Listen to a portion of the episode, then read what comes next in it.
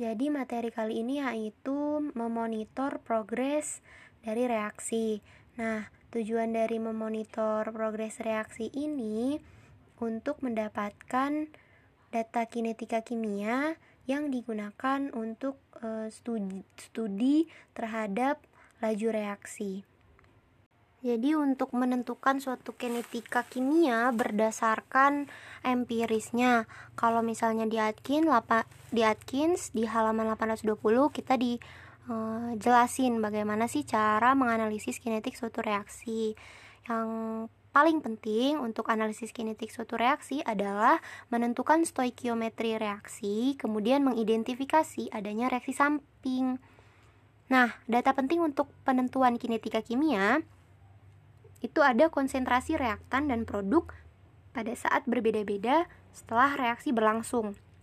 Itu juga penting. Nah, kita perlu tahu itu untuk e, nentuin data-data dari kinetika kimia. Nah, kebanyakan reaksi itu untuk bisa nentuin progresnya banyak yang dipengaruhi sama suhu. Jadi, suhu campuran dari suatu reaksi tersebut harus dijaga supaya konstan. Nah, untuk monitoring prog uh, progres dari reaksi ini ada berbagai banyak desain eksperimen karena kebutuhan-kebutuhan untuk eksperimen ini diperlu diperlukan gitu. Jadi butuh desain yang lebih banyak untuk berbagai jenis reaksi yang juga semakin banyak. Nah, contohnya nih dalam reaksi fasa gas. Nah, dilakukan dalam tabung berlapis logam. Nah, untuk fasa liquid misalnya reaksinya dilakukan dalam termostat. Nah, untuk misalnya e, effort perlu dan lebih untuk reaksi-reaksi yang butuh suhu rendah. Nah, jadi digunain gas atau liquid kriogenik yang disimpan dalam kontainer terinsulasi. Contohnya gas yang bisa digunakan yaitu helium. Dia itu bisa sampai ke 4 Kelvin. Jadi suatu reaksi bisa berlangsung 4 Kelvin ketika dialiri dengan gas helium. Kemudian dengan gas nitrogen itu bisa e, mencapai 77 Kelvin. Nah, metode untuk memonitor e, konsentrasi bergantung pada zat yang terlibat dan kecepatan perubahan konsentrasi.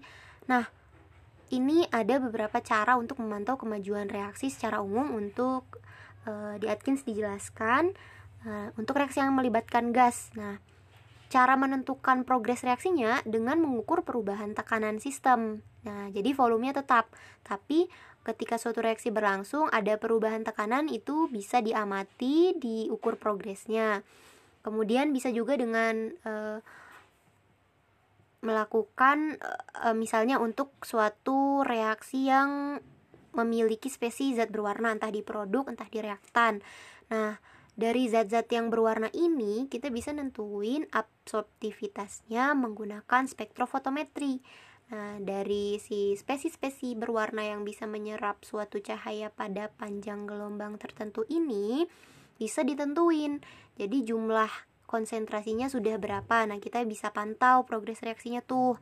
Contohnya di sini kalau di Atkins digunakan contoh yang reaksi hidrogen gas ditambah bromin gas menghasilkan 2 HBr gas. Nah, si zat brominnya ini si BR2 itu warnanya coklat. Dia itu bisa menyerap panjang gelombang di daerah visual sehingga metode spektrofotometri bisa digunakan untuk memantau kemajuan reaksi. Yang lainnya misalnya untuk tipe-tipe reaksi yang melibatkan suatu penggantian ion uh, penggantian uh, molekul netral menjadi ion misalnya. Nah, kalau di sini contohnya ada trimetil trimetil kloroetana direaksikan dengan air, pada produknya itu akan menghasilkan trimetil et, trimetil metanol hmm, dan menghasilkan ion hidrogen. Nah, si ion hidrogennya ini bisa diukur pH-nya. Nah, untuk memantau suatu kelajuan reaksi tersebut. Yang lainnya juga bisa diukur dari konduktivitas listriknya. Metode lainnya untuk memantau suatu kemajuan reaksi yaitu adalah spektroskopi emisi, spektroskopi massa, GC, NMR, elektron paramagnetik resonans. Jadi elektron paramagnetik resonans ini melibatkan reaksi radikal atau ion logam di paramagnetik.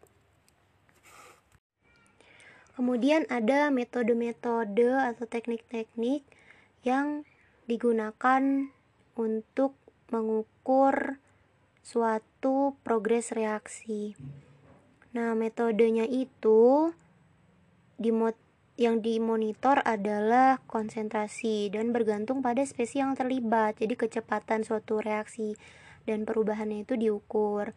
Banyak reaksi mencapai kesetimbangan dalam beberapa menit atau beberapa jam atau bisa juga malah e, perubahan konsentrasinya dilakukan sangat lama gitu. Nah, yang pertama itu ada teknik real time analysis atau komposisi sistem yang dianalisis ketika reaksi berlangsung. Jadi reaksi sedang berlangsung kemudian saat itu juga kita ukur e, atau kita monitor progres reaksinya dari konsentrasinya atau dari tekanannya tergantung si tipe reaksinya. Untuk teknik real time analysis ini ada beberapa jenis. Yang pertama itu ada flow method. Nah, jadi ketika reaktan dicampur, dialirkan dalam chamber, kemudian reaksinya dialirkan dalam sebuah tube.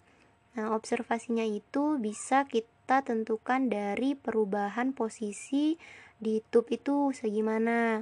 Nah, kekurangan dari teknik flow method itu dia butuh reaksi atau reaktan atau e, larutan yang banyak.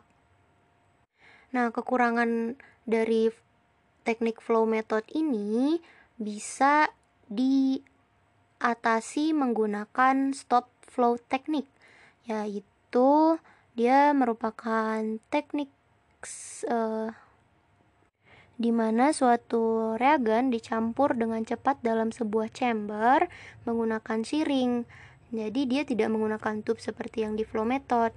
Nah, menggunakan siring jadi dia tidak membutuhkan berbagai uh, reagen yang lebih banyak. Nah, biasanya di uh, untuk pengukurannya menggunakan teknik spektroskopi UV vis atau bisa juga sirkular dikroi dikroism. Aku kurang tahu itu apa juga. Kemudian bisa juga uh, emisi fluoresensi nah penggunaan dari teknik ini bisa di rentang sampai second. Yang digunakan itu aplikasinya pada reaksi-reaksi biokimia, misalnya teknik uh, kinetika pelipatan protein dan aksi enzim. Nah, ada juga untuk real time analysis yang lain itu adalah flash photolysis. Jadi yang pertama tadi ada flow method, yang kedua stop flow stop flow teknik. Terus yang ketiga ada flash photolysis. Nah, di flash photolysis ini sampelnya diberi cahaya e, secara singkat, singkat aja untuk memulai sebuah reaksi. Itu digunakan laser kan untuk memulainya. Kemudian reaksi berlangsung dalam rentang waktu pico atau femto second. Dimonitor menggunakan absorpsi atau emisi elektronik, absorpsi IR atau penghamburan Raman. Nah, inisiasi reaksi ini ditandai dengan pembentukan molekul tereksitasi radikal atau ion. Kemudian selain dari real time analysis itu uh, bisa juga digunakan quenching methods. Jadi di quenching methods ini suatu reaksi dihentikan setelah reaksi berlangsung selama rentang waktu tertentu. Nah, ada kalanya suatu reaksi yang kita pantau tuh nggak cuma beberapa menit, nggak cuma beberapa jam. Nah, jadinya reaksi ini cocok untuk reaksi yang sangat lambat gitu. Jadi suatu uh, penghentian reaksi itu bis uh, jadi ketika reaksi diberhentikan uh, jadi ketika penghentian dilakukan ya diabaikan gitu. Yang ini yaitu ada chemical quench flow method. Nah, ini quenching method yang mirip dengan flow method, jadi reaksi dihentikan dengan menambahkan reagen tertentu, contohnya itu asam atau basa. Nah, keunggulannya dibandingkan stop flow method, sidik jari spektroskopik tidak diperlukan dalam mengukur konsentrasi reaktan dan produk. Nah, karakterisasinya atau kita bisa nentuinnya itu dari gel elektroforesis, spektroskopi massa, kromatografi. Kemudian di quenching method juga ada yang freeze quench method. Jadi reaksinya diberhentikan dengan menurunkan suhu. Kalau tadi ditambahkan zat itu adalah chemical quench flow method. Kalau yang sekarang itu freeze quench method. Jadi suhunya diturunkan dalam rentang milidetik. Konsentrasi reaktan, intermediate, dan produk diukur dengan spektroskopi. Nah, lajunya akan bergantung pada komposisi dan suhu campuran reaksi.